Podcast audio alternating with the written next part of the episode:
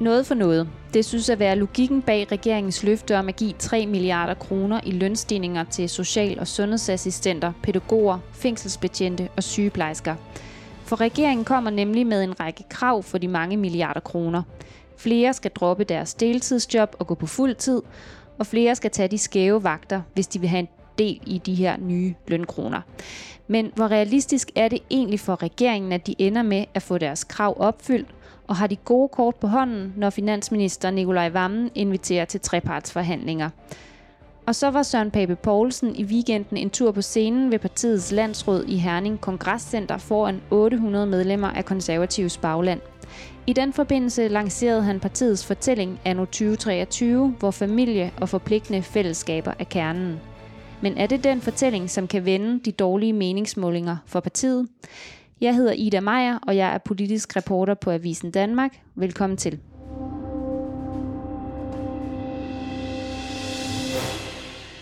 Og velkommen til dig, Kasper Dahl, politisk redaktør på Avisen Danmark. Tusind tak. Lad mig lige starte med at spørge dig, hvorfor er det, at Nikolaj Vammen øh, har sat sig ind til de her trepartsforhandlinger med, med en række fagforeninger, regioner og, og kommuner? Ja, men det er der jo mange forskellige årsager til. Den ene er jo sådan helt lavpraktisk, at øh, det her med et lønløft på 3 milliarder var jo et af de helt store øh, slagnumre for øh, Socialdemokratiet tilbage i øh, valgkampen i øh, oktober sidste år. Så for, øh, for næsten præcis et år siden, der, øh, der indkaldte Socialdemokratiet jo til pressemøde og var klar til at lancere det her lønløft øh, til øh, offentligt ansatte. Og der må man jo bare sige, at det var jo i mødeset med utrolig stor spænding, hvad det var Socialdemokraterne de ville komme med i den der valgkamp, fordi alle gik jo rundt og spekulerede over, hvad ville deres store slagnummer ala Arne-pensionen fra valgkampen i 2019 være, og man blev holdt hen i spænding helt ind til, jamen næsten, enten var det dagen før øh, valgdagen, eller øh, to dage før valgdagen. Det var meget tæt på 1. november, at øh, Mette Frederiksen og en lang række minister troppede op på et, øh, på et plejehjem her i, i Indre København for at præsentere deres øh, idéer.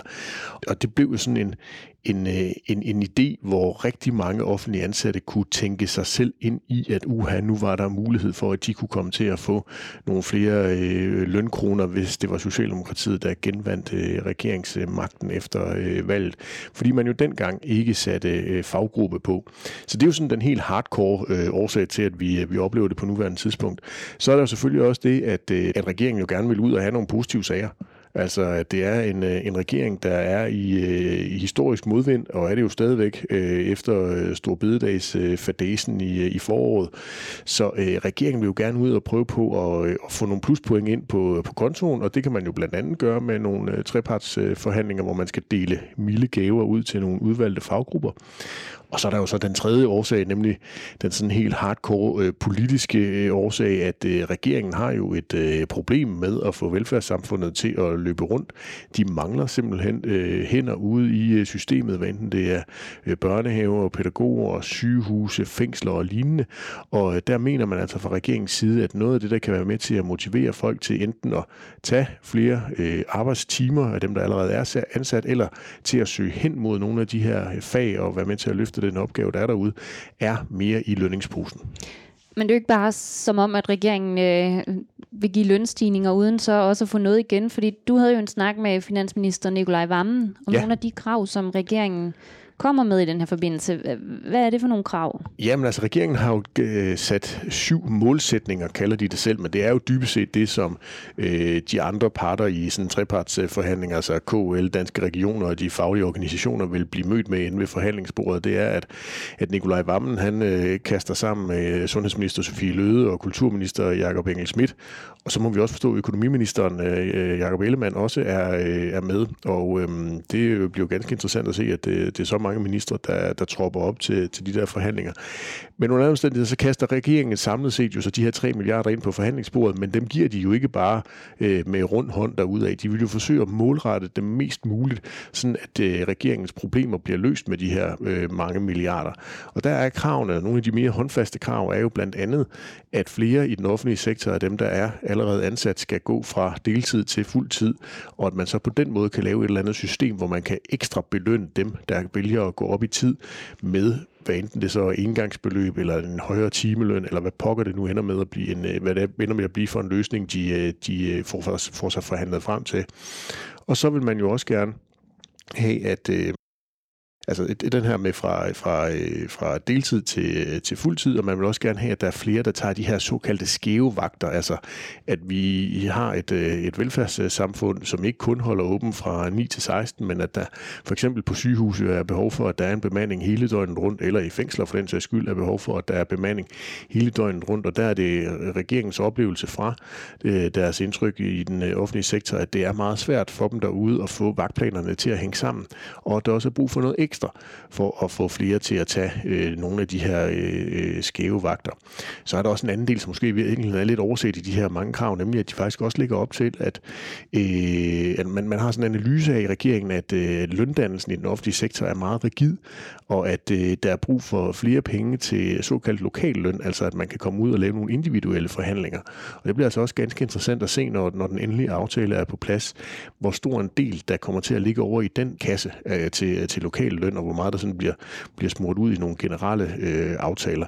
Så der er sådan mange sådan forskellige interessante ting øh, i den her øh, kravsliste, som danske regioner, KL og ikke mindst de faglige organisationer, de bliver øh, mødt med, når de kommer ind til forhandlingerne.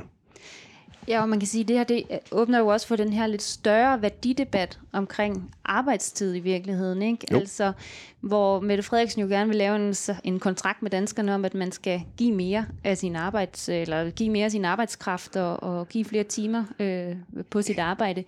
Ja, dels åbner det jo op for, for den værdidebat, der, øh, der er i forhold til øh, arbejdstid og, og den sådan deltidskultur, der jo er, men det åbner jo også op for det her med, jamen er løn det eneste saliggørende i øh, det her samfund? Er det den eneste årsag til, at man går på arbejde?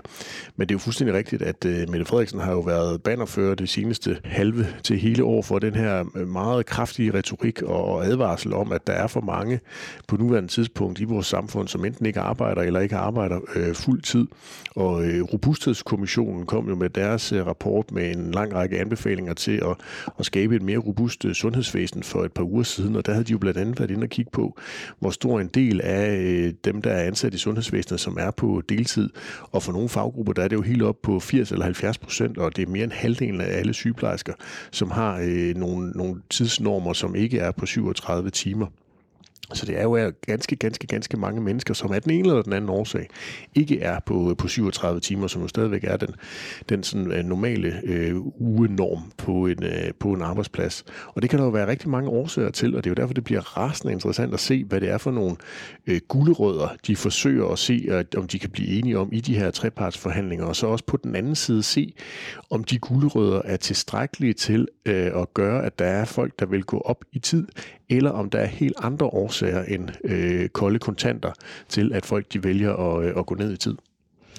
Og hvorfor er det lige de her fire faggrupper, tror du, at der er blevet udvalgt? Fordi, at, som du også nævnte, så... Øh, nej, det var lønstrukturkomiteen, øh, tror jeg, ja. den hedder. Øh, ret mig, hvis jeg tager fejl. Øh, men som, som jo så på det her med, øh, med løn, ikke? Ja. Og der var sygeplejerskerne jo faktisk ikke øh, nogen af dem, som som fik for lidt løn efter deres vurdering. Øh. Og det var faktisk også et paradoks, fordi det var faktisk et af de syv principper, som Socialdemokratiet præsenterede der tilbage i valgkampen, at man netop gerne ville øh, kigge på, hvad øh, lønstrukturkomiteen øh, kom med, men der må man jo så forstå på Nikolaj Vammen, at det har man også gjort, og så har man så besluttet sig for at gøre noget andet øh, alligevel, nemlig at lempe sygeplejerskerne ind i nogle af de fire, eller blandt de fire faggrupper, som regeringen meget gerne vil prioritere.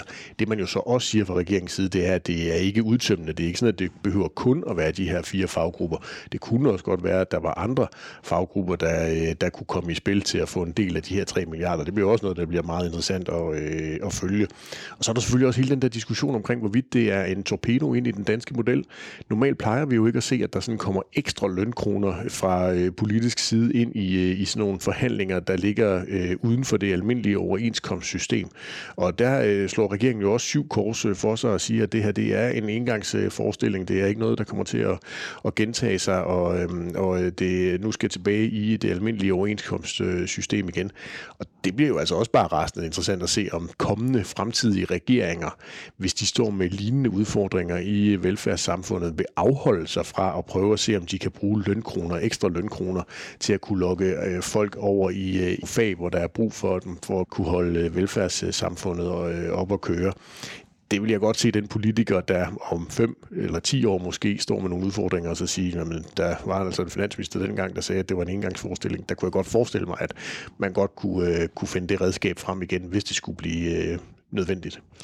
Du startede med at sige det her med, at regeringen havde har brug for nogle gode sager, dele nogle milde gaver ud og så mm. videre. Men, men er det her, er det bare en bliver det en, uden tvivl en, en succes for regeringen? Nej, overhovedet ikke. Altså, fordi der er jo mange forskellige succeskriterier for regeringen her. Den første, det bliver selvfølgelig at se, om de kan lande en, øh, en aftale. Så bliver det jo selvfølgelig, at de gerne vil ud og se, om de kan få noget positiv stemning omkring regeringen og deres øh, politik ud blandt vælgerne og se en eller anden form for effekt i nogle meningsmålinger. Og så bliver der jo den øh, effekt, der gerne skulle komme ganske hurtigt i den offentlige sektor, nemlig at der er flere, der kommer til at gå op på fuld tid, at det bliver nemmere for vagtplanerne til at hænge sammen. Og der er altså bare forhøjet risiko for, at øh, Øh, den her øh, trepartsforhandling øh, og, og det her lønløft, det kommer til at blive en fuser for regeringen, fordi jeg tror, der er rigtig mange årsager til, at man vælger at gå ned af tid. Altså den enkelte sygeplejerske, den enkelte sosu, den enkelte pædagog vælger ikke at være på 37 timer, men være på et eller andet andet timetal. Det tror jeg ikke nødvendigvis altid handler om kroner og øre. Det kan handle om alle mulige personlige forhold, hvor det, at der så er en gulerod, der vifter ud i fremtiden med noget ekstra i, i løn, det nødvendigvis ikke lokker tilstrækkeligt meget i forhold til den frihed, man eksempelvis kan få ved at være på et, øh, på et lavere timetal. Så det bliver meget spændende at se, om effekten af det her redskab, man nu helt ekstraordinært fra regeringens side vælger at, øh, at bruge for at løse nogle af udfordringerne i den offentlige sektor, om det har den øh, fornødne effekt at man kan sige, hvor, hvor gode kort har regeringen egentlig på hånden, fordi altså, der bliver jo talt om de her 2500 kroner ekstra mm. i, i lønposen, men, men altså, øh, faggrupperne her har jo noget, regeringen rigtig gerne vil have, kan man sige. Ikke? Altså... Ja, ja, og der må spørgsmålet jo så være om 2500 kroner i gennemsnit til de 200.000, øh, der potentielt kan være omfattet af lige præcis de fire faggrupper, som mm. Socialdemokratiets mm. formand og statsminister Mette Frederiksen udpegede. Om det er nok, det er jo en gennemsnitsbetragtning, så mm. nogen vil jo slet ikke komme i nærheden af 2500 kroner ekstra før før skat øh, om øh, måneden, mens at andre muligvis vil komme til at få fat i, øh, i noget mere. Så det, det, det er jo øh, igen afhængig af, øh, af den, den enkelte. Jamen, regeringen har jo forholdsvis gode kort på, øh, på hånden, fordi de skal nok lande en aftale. Altså kommunerne, regionerne, de faglige organisationer, de skal nok kunne blive enige. Dertil at de 3 milliarder tilstrækkeligt stort et beløb til, at det også er interessant for dem at komme ind og, og lave en, en aftale. Men det bliver bare rasende interessant at se, hvordan den aftale så kommer til at virke ude i virkeligheden. Fordi en ting er, hvad de beslutter beslutter sig for over i Finansministeriet. Noget andet er jo så, når den rammer den enkelte sygeplejerske, den enkelte sosu, den enkelte pædagog dernede på øh, Rød Stue, skal i gang med at være der nogle, øh, nogle flere timer. Øhm, det vil jeg virkelig, virkelig være øh, opmærksom på i den kommende tid, og det ved jeg også, de kommer til for regeringen at have en lang række controlling på og sørge for, at den her aftale den kommer til at have den fornødne effekt ude i virkeligheden.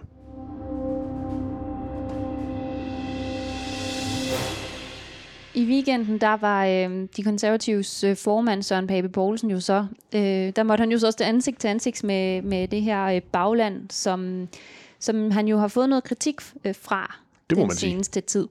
Øh, og det gjorde han jo så øh, samtidig med, at han også lancerede en ny fortælling. Ja. Altså en ny gammel fortælling, kan man vel næsten kalde det. Eller i hvert fald noget med, at øh, de konservative skal tilbage til, til rødderne. Ja øhm, til kernen af de konservative værdier og, og så videre. Er det det, Øh, hvad, hvad, hvad, kan, kan du lige sådan ganske kort, øh, hvad går den her konservative fortælling ud på? Jamen, den går jo i virkeligheden ud på at finde tilbage til rødderne, som du selv har sagt, og det er jo mm. meget sjovt, at, at det bliver det øh, Columbus-æg, der skal løse nogle af, hvis ikke alle de konservatives øh, udfordringer på nuværende tidspunkt. Men jeg tror faktisk godt, der kan være noget om det. Det bliver næppet øh, sådan et stykke papir, som øh, alle vælgere de kommer til at læse frem mod næste folketingsvalg. Ja, eller ikke alle vælgere, der gør det, men, men nogen, der måske kunne have konservative tilbøjeligheder, kunne finde på at, at læse. Men jeg tror, det bliver sådan et vigtigt øh, konservativt arbejdsredskab, fordi, og det siger Søren Pape jo også i det interview, vi, øh, vi bragte med ham i, i weekenden, at der var simpelthen gået for meget strategi i den for øh, det konservative Folkeparti op mod seneste valg. Altså de konservative målte jo på alt og alle, på alle deres politikområder, på Søren Pape. De var jo, forsøgte jo hele tiden sådan at have utrolig godt styr på, hvor vælgerne var henne. De opdagede bare ikke, at der var et kæmpe vælgerskred, da det var, at Søren Pape Poulsen stillede sig op og fortalte om partiets økonomiske politik. Og der virkede det til, og det var også det, Pape selv sagde i interviewet, at de manglede deres fundament. De havde simpelthen glemt det i alt den der strategitoge, øh, de øh, befandt sig i. Og der tror jeg sådan set, det har været en rigtig god øh, intern proces for partiet og partitoppen at sætte sig ned og få formuleret, hvordan lyder den konservative grundfortælling anno 2023. Og det er jo ikke, fordi den sådan er markant anderledes end det konservative folkeparti, man har kendt gennem 100 år, men det har været, øh, er mit indtryk, vigtigt for øh, partiets folketingsgruppe, partitoppen, at øh, få sat sig ned, få kigget hinanden dybt i øjnene og få sat nogle nutidige, moderne ord på, hvad det er for et parti, de gerne vil have, og hvad det er for et, et fundament med Papes egen ord, som de så skal bygge politik ovenpå. Og, øh, og på den måde kan det godt have et, øh, et sådan øh, internt formål. Ja, altså det her med, at, at det er de konservative værdier, der hele tiden kommer først, hver gang ja. man tænker politik. Ja, og der har de nok nogle gange, der har de jo nok nogle gange tænkt politik for hurtigt. Altså forsøgt at komme med noget, noget politik, og måske mistet nogle af de der værdier i alt det der strategitoge, som, øh, som partiet de, øh, de gik rundt i, da det var, at der var masser af succes. Og, øh, og det er jo også noget af det, som valgnederlag jo, øh, jo kan gøre. Øh, det har vi set tidligere med øh, Poul Nyrup Rasmussen, Christian Tulsendal, ikke fordi de så havde stor succes med det, men det der med at lige prøve at sige, okay, nu har vi lige et nederlag, nu, nu kigger vi lige indad og prøver at finde ud af, hvad er det egentlig, øh, der gik galt, lave noget grundig evaluering, og så prøve at komme fremad. De to andre kom ikke fremad, tiden må så vise, om, øh, om Søren Pape Poulsen han kommer fremad, men jeg tror fundamentet af det arbejde, der er lavet, også vil, vil stå der til den næste politiske leder af det konservative Folkeparti, når vedkommende på et eller andet tidspunkt ud i fremtiden kommer. Fordi det faktisk er øh, i, i, i min optik øh, noget, der sådan indkapsler konservative grundværdier ganske glimrende.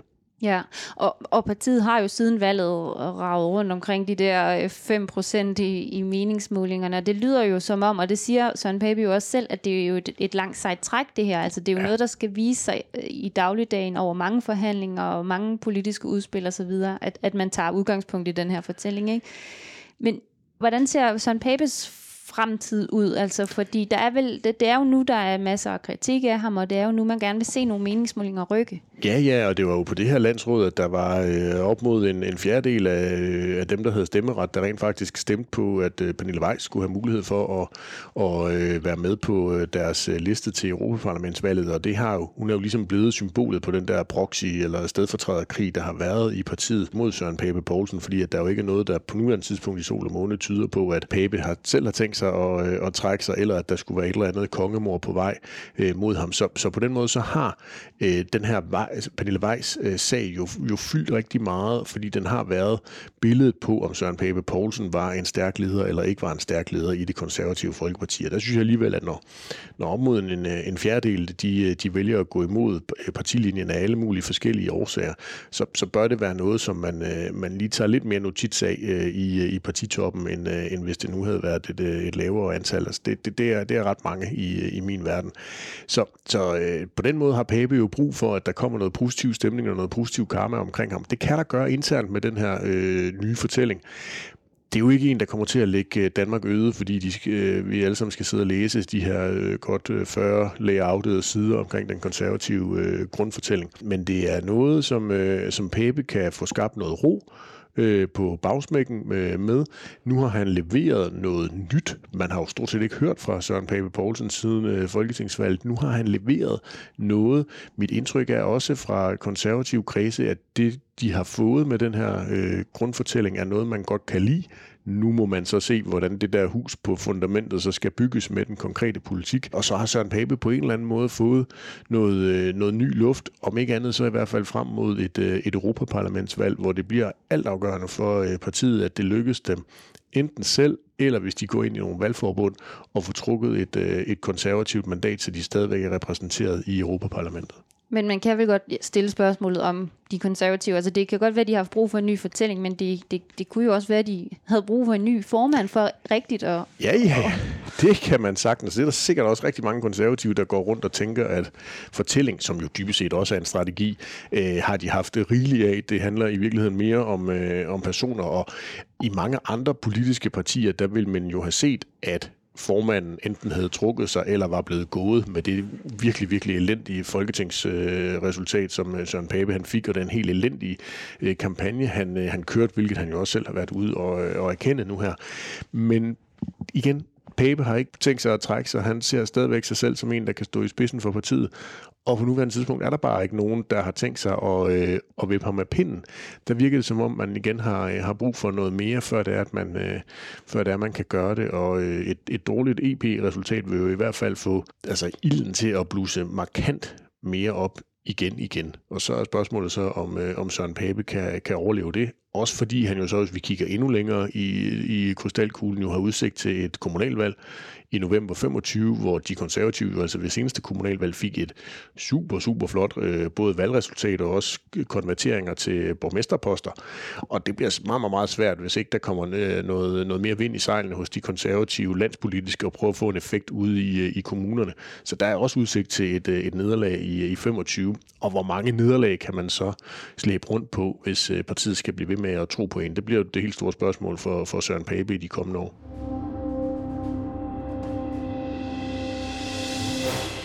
Her til sidst, Kasper, der øh, kan vi lige hurtigt nævne, at øh, Socialdemokratiet jo også har holdt landsmøde Årsmøde kalder de det. Når det er årsmøde? Ja, de veksler mellem årsmøde og kongresser. Nej, så hedder det, det vist ikke kongres mere, vel? Altså, jo, jo, jo, det gør det hver tredje eller fjerde jamen, år. Er du sikker på det? Nå. Ja, ja, det er, når de skal kigge på deres, øh, når deres, de skal kigge på deres vedtægter. Så jamen, de det, det troede kongresser. jeg også, men, nu, men så har jeg alligevel hørt, at det hedder det samme hvert år. Nej. Nå, så Kært barn har mange navne ja, i dansk politik. åbenbart. Men altså, øh, og, det, og det er jo en debat, der har været øh, i et stykke tid nu, men altså, der, der, der skulle øh, partitoppen jo, og Mette Frederiksen og så videre jo møde øh, borgmestrene her, som øh, mm. ikke helt forstår det her med skattelettelser og velfærd. Nej. Øh, som, som de prøver at... Øh, de er vant til skattelettelser eller velfærd. Ja, hvordan gik det? Var det det, der fyldte os på, på landsmødet, eller ja, rådet? Det, årsmødet? Årsmødet. Ej. Det er mit meget, meget, meget klare indtryk, at, øh, at det var jo også det man, man, indtryk, man fik, når man så Mette Frederiksens øh, tale til øh, partifælderne i, i Aalborg. Der var behov for at, at være meget tydelig omkring det her med skattelettelser. Altså Socialdemokratiet er ikke et parti, der bare kategorisk er imod skattelettelser. Det kan godt være et, et parti, som er for skattelettelser, og at partiet jo rent faktisk gik til valg på skattelettelser. Der er jo bare så lige den forskel, at partiet gik jo til valg på skattelettelser i beskæftigelsesfordraget. Altså folk, der er på arbejde, skulle have flere penge, og det de jo så nu er i gang med at, at stemme for, det er jo blandt andet lempelser i, øh, i topskatten. Så, så der er jo en, en forskel, der, der gør, at øh, der er nogle socialdemokratiske borgmestre, som måske kan have en pointe med, med deres øh, kritik. Men under alle omstændigheder virkede det til, at mange af de borgmestre, de havde fået luft for deres utilfredshed i ugerne op til årsmødet i Aalborg, og at det på den måde blev den fortælling, hvis vi nu skal blive mm-hmm. i, øh, i samme univers som Søren Pape, at det blev Mette Frederiksens fortælling om øh, partiet og, øh, og hvorfor de er med i, i skattelettelsesreformen, øh, som kommer på et eller andet tidspunkt fra regeringen, øh, og, at, øh, og at Socialdemokratiet fint kan, kan både levere det ene og det andet i den nuværende situation. Jamen øh, med det tror jeg, det var det sidste for Christiansborgs øh, podcast her i denne omgang. Hvis øh, du gerne vil have at vide, når der kommer et nyt afsnit, så skal du trykke abonner de steder, du normalt lytter til din podcast. Tak fordi, at du lyttede med.